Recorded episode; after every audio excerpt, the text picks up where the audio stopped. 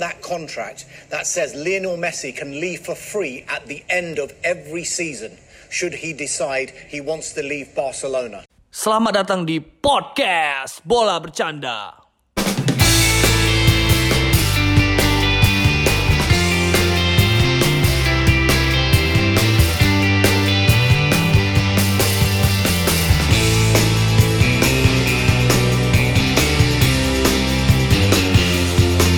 Assalamualaikum warahmatullahi wabarakatuh teman-teman. Kembali lagi di podcast Bola Bercanda. Setelah musim yang melelahkan semua kita Musim 19-20 ini kita eh, dihadapkan oleh banyak-banyak drama Termasuk salah satunya adalah pandemi COVID-19 Akhirnya kita eh, ada di penghujung musim yang ditandai oleh final UEFA Champions League kemarin yang mempertemukan antara Bayern Munchen dan Paris Saint-Germain.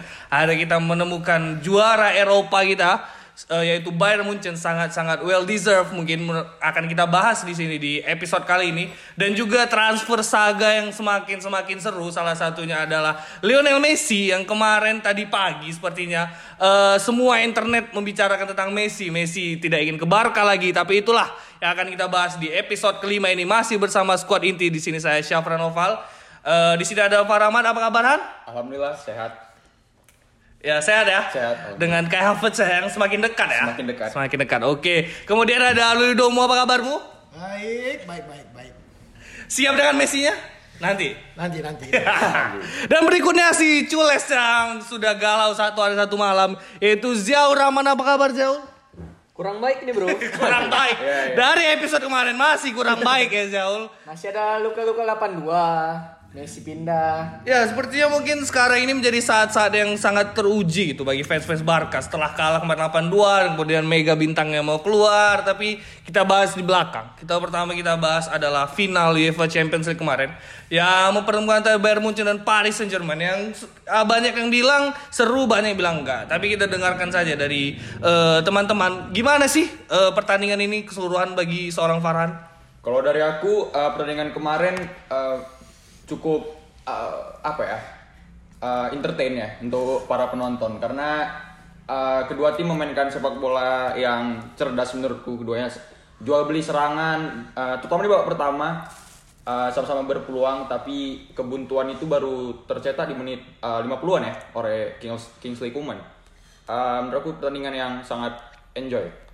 Ya sangat berbeda dengan pertandingan final tahun lalu ya. Ya sangat berbeda. itu ya beda sekali. Ya gimana mu? Eh, bicara jalannya pertandingan tadi udah dibilang sama Farhan kan. Eh, sekarang aku mau bahas masalah PSG ya. Eh, PSG itu menurut aku kemarin eh, salah satu kesalahannya di final karena eh, selama ini kebijakan transfernya terlalu eh, frontline oriented gitu. Ya, ya. Eh, sehingga kemarin nampak jelas kejomplangan eh, di lini tengah dan lini lini tengahnya terutama karena tidak memiliki kreator murni. Eh, kal- kan Paredes sama si Andre Herrera itu merupakan gelandang tipe pekerja keras bukan kreator. Itu sih menurut aku kemarin eh, garis besarnya PSG. Sebenarnya ada kreatornya. Cuma dimainkan dipaksa terakhir. Marco Ya. Verratti. Ya, ya. Enggak, enggak, enggak. Ka- Kalau Marco Verratti itu bukan tipe playmaker, dia tipe gelandang box to box sih lebih. Tapi dia bisa dijadikan playmaker juga. Ya, ya sih. Menurut aku di situ ada kesalahan informasi juga sih dari Tuchel karena kenapa nggak Verratti nggak dimainkan dari awal gitu? Karena C- di Cedera dia nggak kalau nggak salah aku. Ya cedera. Doubtful ya pas waktu pertandingan ya. Ya kalau dari aku mau highlight Thomas Tuchel yang terlalu eh, attack oriented sebenarnya, attacking oriented. Karena dia eh, ti- dia lupa bahwa dia menghadapi eh, sekelas Bayern Munchen yang bermain high press gitu. Iya. Eh, formasinya terlalu menyerang gitu. Dia dia tidak menempatkan salah satunya adalah menurut aku tuh dia bisa menempatkan Marquinhos itu jangan sebagai midfielder gitu, sebagai pemain-pemain CB gitu. Karena ini Munchen ini high line gitu loh, Ya. high press gitu. Jadi salah satu kesalahan dari Tuchel itu sih menurut aku. Se- sebenarnya Marquinhos sudah eh, menjalankan tugasnya dengan baik Da- dari eh, dari pas lawan eh, Leipzig juga bermain bagus di CDM makanya Tuchel mungkin mainkan dia sebagai CDM posisi barunya. Ya, kan eh, sebenarnya Munchen ini juga bukan tanpa celah. Ya. Karena mainnya high defensive line, high defensive line itu beresiko banget loh. Karena eh, sebenarnya banyak celah tinggalkan kayak kalau nyerang itu eh, back four-nya itu maju sampai ke tengah lapangan. Justru Ya. itu itu yang sebenarnya kurang bisa dimanfaatkan PSG di Neymarnya, Mbappe-nya Ada dimanfaatkan yang menit-menit pertama itu. Cuma Neuer yang sangat on Iya. fire bisa dibilang. Kalau menurut aku tadi masih bicara Marquinhos ya. Sebaiknya Marquinhos itu menjadi backup seorang Kehler yang sangat-sangat dibully oleh Kingsley Coman di pertandingan itu. Iya. Menurut aku Marquinhos itu bisa lebih ke lebih ke sayap, lebih membantu fullback gitu daripada dia sebagai midfielder itu. Toh masih ada Ander Herrera di situ kan di sana. Jadi itulah salah satu kesalahan Thomas Tuchel. Tapi kita juga tidak bisa menampilkan bahwa Munchen adalah salah satu eh, tim yang terbaik saat ini. Tim mereka ini bisa masih berkompetisi di tahun-tahun ke depannya gitu. Jadi ya sebenarnya ini hasil hasil yang cukup fair sih menurut aku. Kalau review dari aku ya, eh, dengan bermain Munchen sama PSG nih. Di awal-awal babak satu nih kan ada serangan Munchen, ada PSG. PSG bawa bola, Munchen high pressing kan. Baru waktu Munchen bawa bola, pemain PSG itu 11-11 mundur. Counter attack-nya dimainkan. Kalau misalnya nggak mundur mundur, semua tengok. Kalau ada tengok reviewnya, semua lewat garis tengah. Nah Mun- itu kan mundur semua. Eh, Nah itu karena Munchen mainin high defensive end tadi kan. Iya. Kalau misalnya pemain belakang Munchen itu sampai garis tengah, gimana Neymar bisa di depan? Ya pasti offset lah. Ya, makanya kan- counter attack. Jadi Neymar itu terpaksa mundur gitu. Iya Neymar mundur sekalian. Mainnya memang ku tengok nih counter attack. Hmm. Tapi kok counter attack hampir berhasil sedikit lagi. Ah, ya ya itu tadi sebenarnya eh, counter attack PSG punya kapasitas, punya kapasitas sebenarnya eh, mencari kecolongan Munchen emang banyak celah Munchen semalam. banyak, banyak. Iya, kalau dibicara kemarin Thomas Tuchel setelah eh, pertandingan dia konferensi pers itu dia menyesalkan bahwa PSG tidak mencetak gol lebih awal gitu. Iya. Sebenarnya PSG itu punya peluang banyak sih di menit awal lewat Di Maria kemarin kan. Cuman itulah mungkin pengalaman kembali ya berbicara di final kemarin. PSG udah nggak main counter attack lagi waktu udah kebobo- kebobolan 1-0. Baru di situ mainnya udah lebih terbuka, udah lebih baru agak ini ya Neymar memaksa sedikit lu lihat ah. Kenapa sedikit-sedikit orang ngasih ke Neymar, Neymar? Aku dari awal udah menduga ya kalau Munchen akan menang di final karena dari match di 16 besar di leg pertama lawan Chelsea, aku udah ngeliat permainan uh, Munchen ini sangat rapi ya, tertata gitu. Memang ada kala ada kalanya on off-nya gitu, tapi um, aku sem- apalagi di leg kedua juga semakin kelihatan gitu. Oh, tim ini Punya sangat juga ya, ke, punya kelemahan juga. Ah, tetap ada juga, cuma mereka sebisa mungkin nutupi itu gitu. Gak, gak usah jauh-jauh ke 16 besar lah di semifinal aja itu kalau misalnya Lyon punya kualitas bagus pemainnya lini depannya itu bisa Iya, memanfaatkan iya. Di peluang baik ya. sebenarnya mungkin bisa kecolongan banyak juga sih. Iya, iya. Ya, mungkin teman-teman semuanya setuju ya kalau Munchen itu eh, defense-nya nggak bagus-bagus amat sebenarnya. Ya, masih ya, masih benar masih masih banyak di situ bolongnya. Apalagi ketika Jerome Boateng eh, ini kan keluar itu juga aku feelingnya Niklas Sule ini bakal jadi flop. Tapi Rupanya Sule bagus. Tahu kenapa? Keren banget. Untung Karena ada namanya Sule. Untung ada Sule.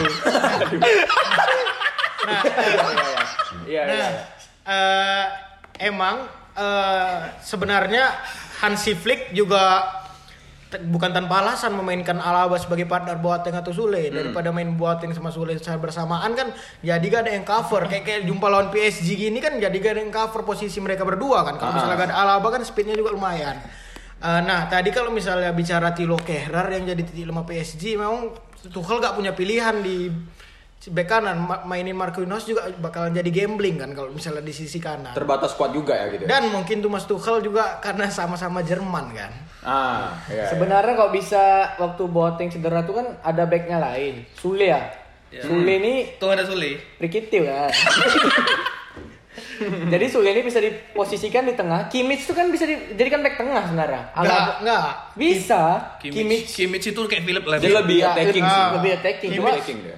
Cuma bisa. Kimmich itu sebenarnya sebelum Pavard cedera, sebenarnya dia main CDM sama Leon Goretzka. Iya. Itu Thiago kan jarang main. Cuma kan kok rasaku David Alaba tuh lebih bagus di sayap. Ada nengok sebelum dia main ini. Dia sering main sayap dulu. Ya. Gue emang back saya. Back sayap dia kan. Nah, sekarang kenapa jadi back tengah karena emang back tengah Kurang. back tengahnya Munchen emang kurang. Jadi kan bantu speed juga, speed speed back tengah Speed- Munchen. speed Alaba Dan pun- back kiri itu udah ada Alfonso Davies. Iya. Iya, udah, udah tempat itu udah di sama dia gitu. Kalau bicara salah satu pemain yang penampilannya paling bagus ya, paling sensasional menurut, menurut saya sih Thiago Alcantara kemarin. Itu Ya. salah satu kalau misalnya kita pakai mata telanjang mungkin yang jarang nonton bola mungkin nggak kelihatan gitu perannya, tapi passingnya itu selalu benar gitu loh. Kayak itu betul-betul bisa membangun serangan Munchen kemarin Thiago Alcantara. Kalau menurut teman-teman siapa sih pemain paling step up malam kemarin?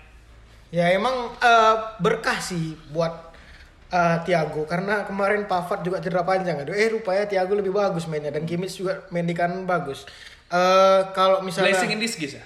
Ya, Eh, kalau misalnya bicara pemain terbaik semalam, eh aku lebih nyoroti Manuel Neuer sih. Ya. Ah, Kalau gak Manuel Neuer kelar tuh. Iya, aku Gitu juga, aja. aku lebih pilih Manuel Neuer. Cuma rasaku yang memang lebih MOTM itu Kingsley Coman. Wah, Kingsley Coman ya. Bukan Iya, karena iya. dia nyetak aja karena dia dari sisi kiri itu udah ini loh, kiri-kiri semuanya, dilewati semuanya. Pas pula ada peluang bagus, gol. Tapi untung ada Sule. Untung ada Gitu. sulit. Ya karena tadi Tilo Kehrer kan di terlemah PSG gitu. Kalau dari aku sih apa ya di ma- man of the match di pertandingan itu memang Thiago Alcantara sih menurut aku karena nampak ya kelihatan kematangan dia dari bermain ya dari semenjak dia pin- pindah dari Barcelona ke Bayern dia udah menampakkan itu sih tapi terpecahkan di final kemarin. Iya, Eh, kalau dari aku juga kita nggak bisa melupakan penampilan dari seorang yang baru berumur 19 19 tahun dan tampil di final Liga Mbappe. Champion. Bukan, itu adalah the Canadian Alfonso Davies gitu. Iya, yang dari aw- awalnya dikolongin kan sama Di Maria dia bisa step up kembali di game. Kartu kuning loh. Iya, kartu kuning awal. Iya, iya. Itu kalau menurut teman-teman yang baru umur 19 tahun merasakan atmosfer final champion itu mentalnya sangat bagus sih. Sampai ke mana aku lihat di Twitter itu Philip Lam, dia itu nonton sama anak ya. Philip Lam itu pakai jersey tulisannya Lam, anaknya itu pakai tulisan Davis gitu. Waduh gitu ya. Jadi itu salah satu dukungan sih dari Tapi permainan dia di final ini nggak sebagus main di match-match sebelumnya. Ya. Karena lebih banyak buat ini ada yang ini kan kuning yang sebelah waktu hampir corner itu yang PSG dapat Iya. ini. Tapi setelah kuning tuh bagus sih menurut aku. Emang dia defensifnya gak bagus-bagus amat emang. Cuman kalau offense Ah, cuman offense-nya. Offense-nya bagus. Eh, terbukti kan yang gol lawan Barca sensasional itu yang passingnya. Itu karena backnya kan Semedo. Nah, eh, kalau misalnya bahas final, sebenarnya aku tertarik menyoroti Serge Gnabry gitu ya. Ya. Di- seperti dikantongnya sama Juan Bernat pas di laga puncak ini. Iya.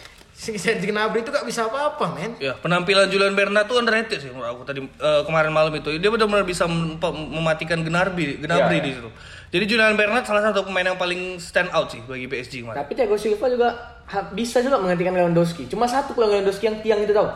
Iya ya. itu. Di first half ya. Ah, itu Ada kalau- juga yang di ini, Yang di- disundul ya? Yang ditepis sama Kilo Navas. yang, yang sundul itu kan? Ya. Ah, itu bagus juga. Cuma ada nafas itu kan kiper. Ya, Nafas. overall well deserve lah buat Munchen. Iya. Emang. Eh, juga Manuel Neuer sih aku nyoroti karena emang gila sih ini kiper. Itu kalau mungkin kalau kipernya selain Neuer udah menang Iya PSG sih. Sih.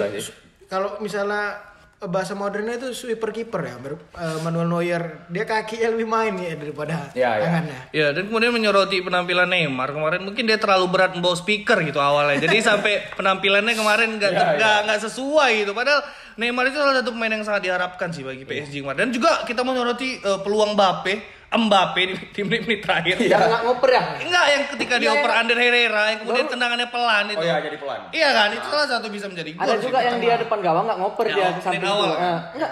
Awalnya tuh apa tuh? Enggak, yang setelah kebobolan ya, yang Iya. dia Iya, coba iya, iya. melewati semua itu. Ya. Ah, itu. Ya, ya, ya. Tapi eh, apa tadi ya yang aku mau bilang? Kalau di PSG mungkin tahu kenapa? Nggak- orang ini nggak juara. Karena ada mengece dulu kan ada di IG Champions League ada nggak? Ya. Final gitu. Ya kalau menurut aku ya Itu a- aku suka sih kan. Aku emang lebih dukung Munchen daripada PSG. agak sedikit over sih memang Over, kemarin. kan? Tapi kalau misalnya PSG juara itu Iya. musim Barca bakal gila-gilaan sih, lebih dari Bayern menurut aku. Aku udah pengen snapgram kayak gitu sih kemarin. Ya kemarin juga salah satu highlight yang pengen aku tanyakan kepada teman-teman ini, menurut teman-teman tim Munchen ini masih bisa berkompetisi nggak sih di musim-musim berikutnya? Apakah mereka juga masih bisa berbisa, berbicara banyak dengan komposisi pemain seperti ini? Menurut teman-teman gimana? Kalau dari aku jelas ya, ini udah kedalaman skor udah bagus sekali nih di Munchen ini. Mungkin be- beberapa opsi bisa dipilih ya. Defense ya. Ah, ah, sama manajemen Bayern untuk memilih pemain-pemain yang mengisi spot-spot itu gitu. Nah, eh, sekarang kan permasalahannya Coutinho, Perisic sama Odriozola. Kalau Odriozola kan nggak penting kali juga kan. Ya. Bro, Thiago, jangan Thiago. lupakan bro, masih ada Leroy Sané cuy, Ya. yang masuk. Iya, bukan iya. bukan Eh, tadi aku bilang Coutinho, Perisic sama Odriozola itu kan pemain loan. Nah, PR Munchen nih siapa Thiago juga kan pindah. siapa, siapa penggantinya siapa penggantinya musim depan? Leroy. Dari pemain itu. Iya, Leroy pengganti Ya. Perisic ya. Bisa sih, Leroy. Itulah teman-teman. Tapi kalau rasaku Munchen nggak bisa berbicara banyak musim depan. Kenapa? Karena Barca kembali tidak ada Messi nanti tahun depan. Ih, bukan. Karena Barca nanti tahun depan mulai merenov ya bisa dibilang kan. Semua pemain-pemain itu dipilih. Baru aku berharap Messi stay. Iya, kemarin juga aku baca di salah satu eh, report. Jadi presiden UEFA itu tertarik dengan format Liga Champions sekarang. Yang hanya satu satu satu leg gitu. Menurut teman-teman lebih seru gak sih? Kalau menurut aku pasti sih aku mendukung format ini di babak knockout. Karena betul-betul away goal itu menurut aku peraturan yang sampah sih. Kalau aku sih nggak setuju karena kalau yang kita cuma lihat satu ini berarti cuma itu kan mainnya di tengah-tengah kan nggak di kanan sini nggak Tempat kanan situ. netral ya? netral kan netral. lebih bagus di kanan jadi ada atmosfernya juga ada ini Ya aku setuju juga sih karena eh ya lah untuk entertain kedua fans juga kan bisa main di eh, stadion masing-masing gitu. Aku tetap setuju format lama sih. Ya, aku tetap setuju home, on- home and away karena kan kalau ngarapin tempat netral juga liga-liga domestik yang lain juga masih jalan, bingung juga nyari tempatnya di mana gitu. Ya, mungkin teman-teman setuju home and away, tapi teman-teman aku yakin pasti setuju kalau away goalnya dihilangkan. Tapi tetap home and away. ya Iya Owe kan? itu sangat Ya, sebenarnya Iya, iya kan. Sebenarnya kalau home and away tetap, tapi away goal itu dihilangkan. Kayak nggak fair gitu jadinya kan. Iya, salah satu tujuan Liga Champions ini kan untuk mentertain masyarakat-masyarakat Eropa kan di home and away. Jadi mereka bisa merasakan atmosfer Liga Champions di setiap negaranya. kan. Jadi ya itulah teman-teman Liga Champions eh, yang tunggu dulu aku banyak nih. kejutan kemarin. kalau untuk musim depan kira-kira siapa prediksi juara di Liga Champions ini dari masing-masing ini Kayaknya masih terlalu dini kalau bahas musim depan kan. Eh karena transfer window aja belum habis. karena nanti kita bisa mikir di sini baru di musim depan misalkan juara tim aku kan bisa kita ini kita ingat gitu kan Enggak, enggak, enggak, enggak, masih susah, susah. Ya apalagi transfer sekarang ini lagi gila-gilaan kan. Ya, Ada ya. Chelsea dengan banyak timnya, banyak, banyak pemainnya gitu. Jadi itulah teman-teman Liga Champions. Semoga kita uh, akan mendapatkan hiburan di uh, musim-musim berikutnya. Terima kasih Liga Champions karena telah menghadirkan drama.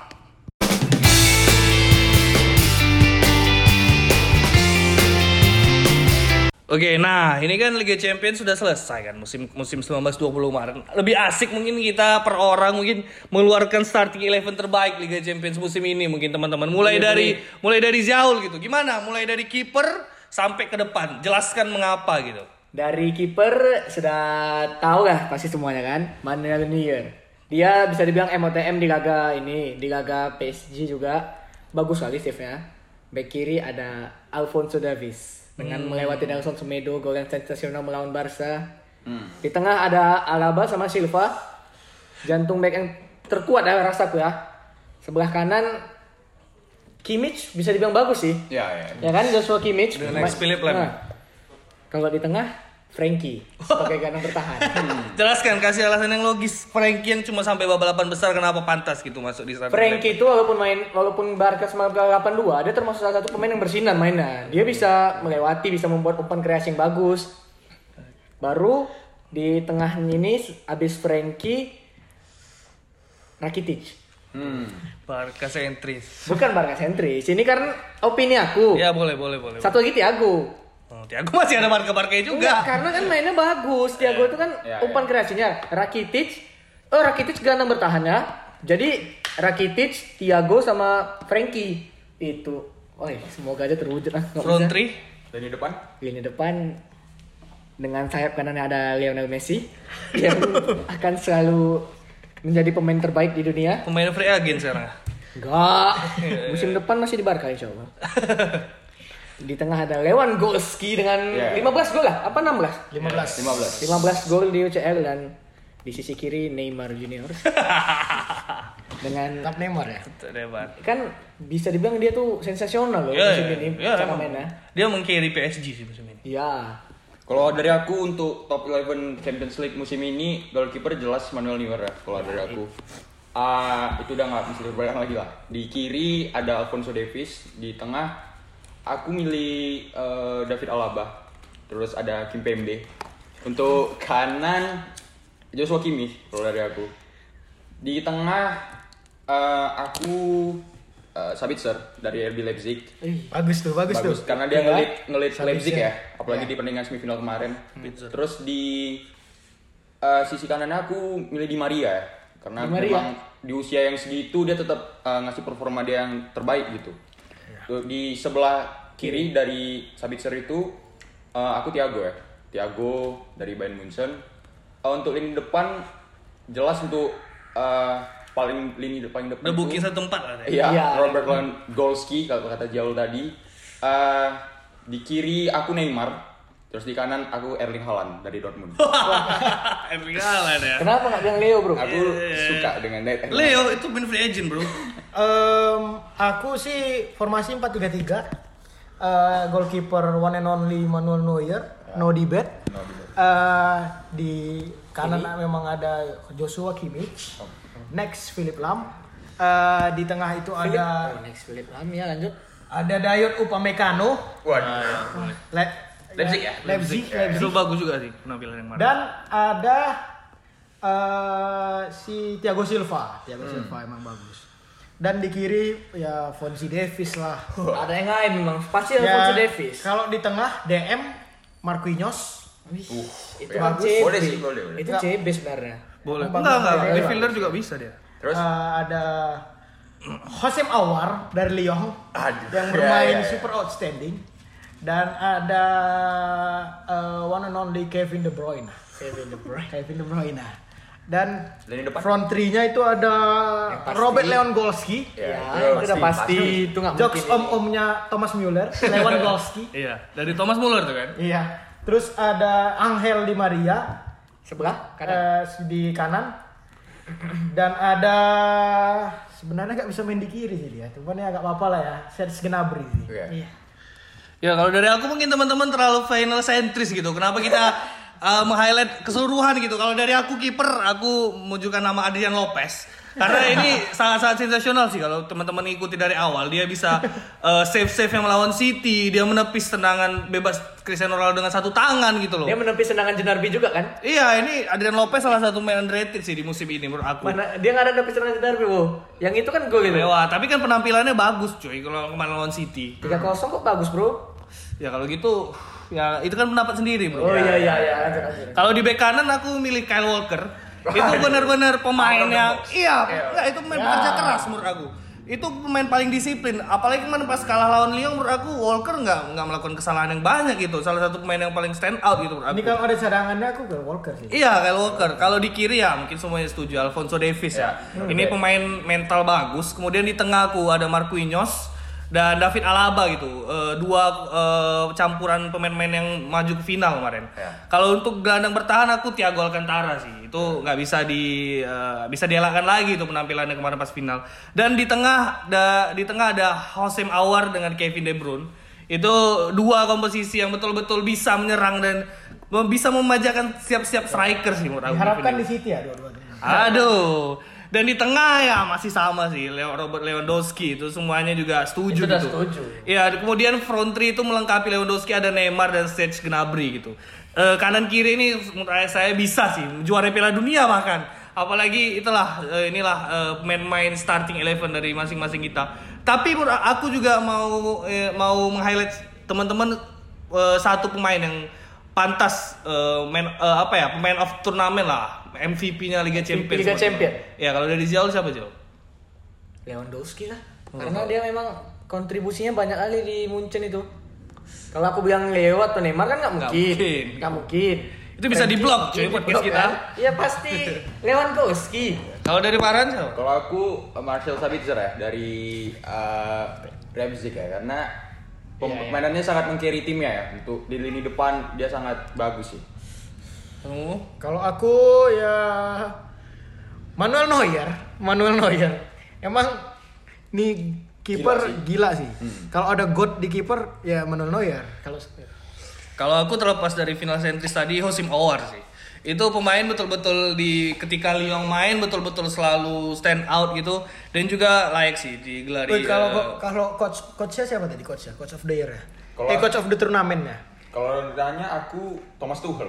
Aku gaya kepelatihan aku suka dengan gaya kayak Tuchel itu. kalau Tuala aku kurang setuju ya karena dengan materi pemain itu seharusnya dia bisa juara Champions sih Iya sih, aku. Aku suka dengan Gara-gara ini ya, gara-gara satu kaki gitu. Iya, terus itu. Pukul-pukul, Iya. pukul-pukul. Ya, ya, ya. Kalau dari jauh kue-kue Setien? Enggak lah. Aku yang realistis Pep Guardiola. Cuma karena kalahan di lawan Lyon aja 3-0 jadi itu kalau misalnya bisa masuk masuk final eh. bisa suara City tuh karena Pep itu udah tahu kayak mana cara main Munchen Mengomentari pilihan Jaul tadi yang bilang Pep Guardiola, aku sendiri dari karena aku fans City nih. Kalau ada worst manager sih of the tournament aku pilih Iya, Pep Guardiola. Pep Guardiola. Guardiola.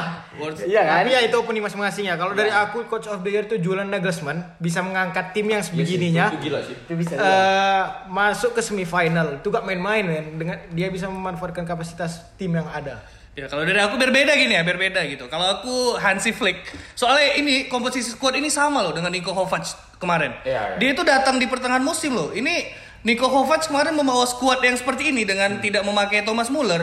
Itu Munchen kemarin jomplang loh awal-awal musim. Kan kemudian dia datang sebagai salah satu orang antah berantah mungkin dan kemudian bisa membawa permainan Liga, permainan Munchen gila sih. Menurut aku Hansi Flick salah satu coach turnamen sih. Munchen treble winner tadi kan? Ya, Munchen selamat kepada fans dua, Munchen. dua kali berarti treble winner kan? Ya, tahu seperti tahu. Niko Kovac kemarin dipecat gara-gara apa? Kenapa? Gara-gara kalah 5-1 lawan Frankfurt men. Oh Bundesliga. iya iya. Iya. Iya. itu emang Hansi Flick memang sosok yang tepat sih. Emang sebenarnya dari yang si apa Guardiola out memang Hansi Flick emang baru tapi ada katanya kandidatnya kemarin selain Niko Ko- ah Niko Kovac tuh Julian Nagelsmann mau masuk sempat Ya, itulah teman-teman eh, Liga Champions kemarin melahirkan banyak sekali drama. Tapi eh, menanggapi akhir-akhir ini juga ada berita tentang UEFA Super, Super Cup gitu, teman-teman. Jadi itu UEFA telah memutuskan bahwa akan eh, mengisi 30% kapasitas stadion. Jadi ketika nanti Bayern Munchen jumpa Sevilla, di UEFA Super Cup itu bakal ada penonton sebanyak 30% dari kapasitasnya gitu. Jadi itulah teman-teman eh, salah satu dari tanda-tanda bahwa football the real football is back gitu. Gimana tanggapan teman-teman? Setuju nggak dengan penambahan kapasitas stadion ini? Ya, welcome back the real football ya. Eh, terlepas setuju dan nggak setujunya sebenarnya ada sisi positif dan negatif ya. Kalau negatifnya itu ya kan sekarang lagi musim-musim covid masih. Nah kerumunan itu kan, nah harus diperhatikan lebih ketat lah protokol kesehatannya. Kalau misalnya di sisi positifnya ya emang ini real football dengan penonton, pemain pun mainnya bisa berbeda gitu, hawanya gitu.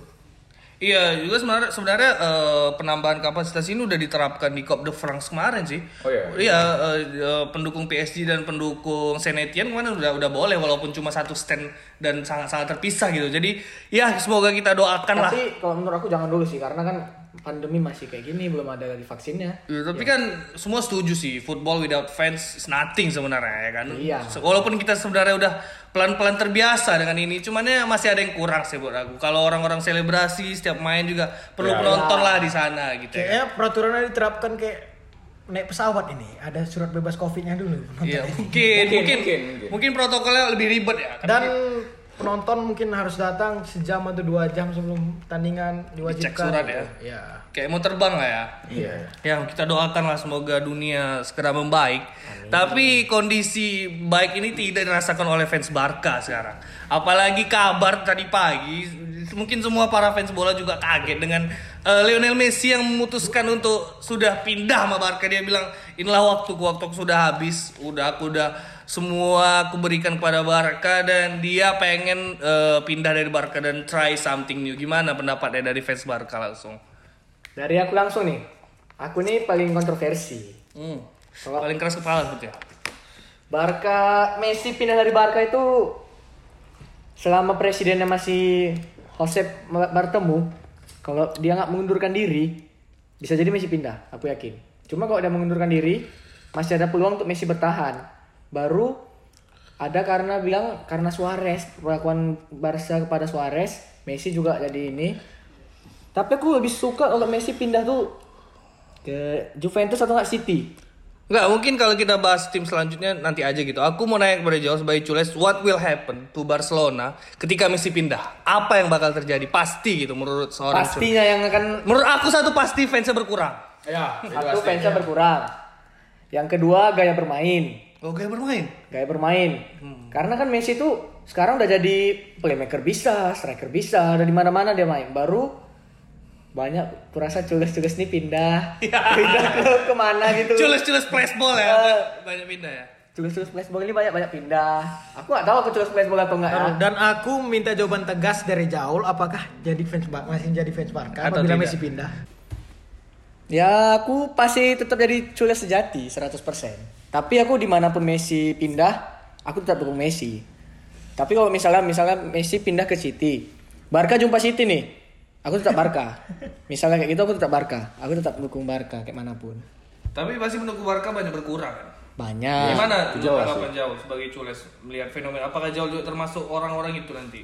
Enggak, aku nggak akan ikut orang tuh. Aku karena bukan yang ambistis, aku yang realistis aja. Aku lebih jelas-jelas aja karena kan aku dari dulu Barca, nggak ada nggak pernah aku suka klub lain selain Barca. Nah, aku tahunya dari dulu Messi Anda. Enggak, Messi pindah pun aku tetap Barca karena penggantinya nih Ansu Fati. Aku percaya Ansu Fati udah bisa kayak Messi. Karena eh ya emang wajar sih harus harusnya begitu karena ya no no player is bigger than the club ya. No, no, Messi is bigger than a club. Wow. Wah, Messi is bigger than football. Iya, iya. Aku menanggapi kepi- rumor kepindahan Messi ya dari Barcelona. eh, al- eh, ini masalah waktu sih menurut aku. Cepat atau lambat Messi akan pergi juga dari Barca. Tapi menurut aku karena kenapa dia memutuskan ada rumor yang memutuskan dia sekarang untuk pergi karena dari beberapa tiga musim terakhir menurutku eh, Barca stuck ya di, di Ya. posisi Liga di Champions League. Enggak, Liga Barca juara di Iya, Champions ada League. juara di Champions League tiga kali di, come- di comeback gitu ya. Jadi menurut aku dia udah di klimaksnya lah. Dia memutuskan untuk keluar dari Barcelona, klub yang dia dari kecil bela gitu ya. Iya, kalau dari aku sih memang ya itulah sepak bola kan. Player players come and go gitu. Iya, Mungkin iya. Cules harus bisa terbiasa dengan fenomena seperti ini. Mungkin para Cules juga sebenarnya belum pernah kan merasakan fenomena seperti Udah, ini. Iya, kami udah pernah Iniesta, Siapa? Iniesta, Xavi. Enggak, enggak ini Safi enggak itu beda sama Ini, Messi. ini gila sih. Ini kayak yang ditendang gitu, dia mau keluar sendiri gitu. ya. Messi ini betul-betul God-nya gitu, betul-betul Tuhannya. Makanya itu, ini kalau Messi pindah nih banyak cules flashball itu pindah pasti. Ya, di sinilah kita lihat apakah fans Barcelona yang salah satu terbanyak ya di Indonesia menurut aku bisa teruji gitu. Apakah mereka tetap setia dengan semboyan Clubnya gitu. Ya. Itulah Messi. emangnya Messi mau ke mana nih? Nah, itu dia salah satu rumornya itu Messi dikaitkan dengan Manchester Biru gitu. Gimana tanggapannya selaku fans Manchester Biru?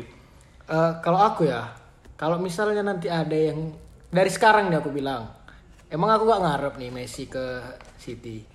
Eh, cuman dari sekarang aku bilang, tolong sama fans-fans kemarin sore Manchester City, eh, tolong malu lah terhadap kami nih fans-fans yang memperjuangkan Manchester City dari awal. Iya. Eh, karena nanti eh, fans-fans City baru ini yang yang pemuja-pemuja Messi ini yang sebagian besar dari Barca eh bakal say hello kepadaku aku blame mereka. Kenapa gitu? Ya Kenapa karena gitu? nggak layak ya. Berarti kalau aku pindah ke City ini nggak layak aku. Nggak layak. Kalau tidak layak. Ya, tidak layak. Eh tadi kayak aku bilang tadi no player is bigger than the club.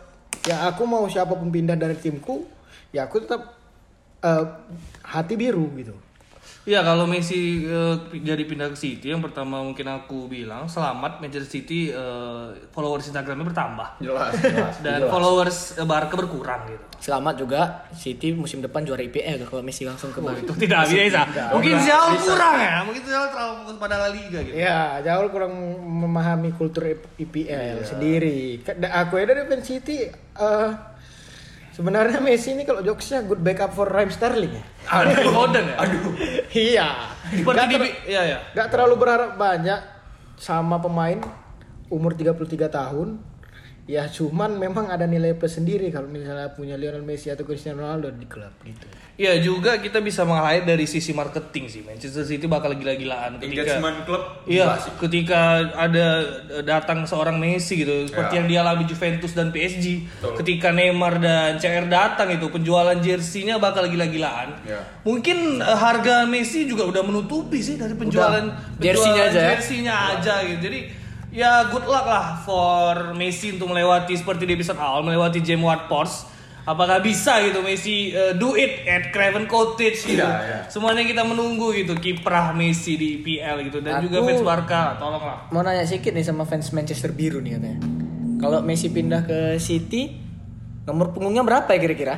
Ya masalah nomor punggung nanti bisa dinego dengan Aguero.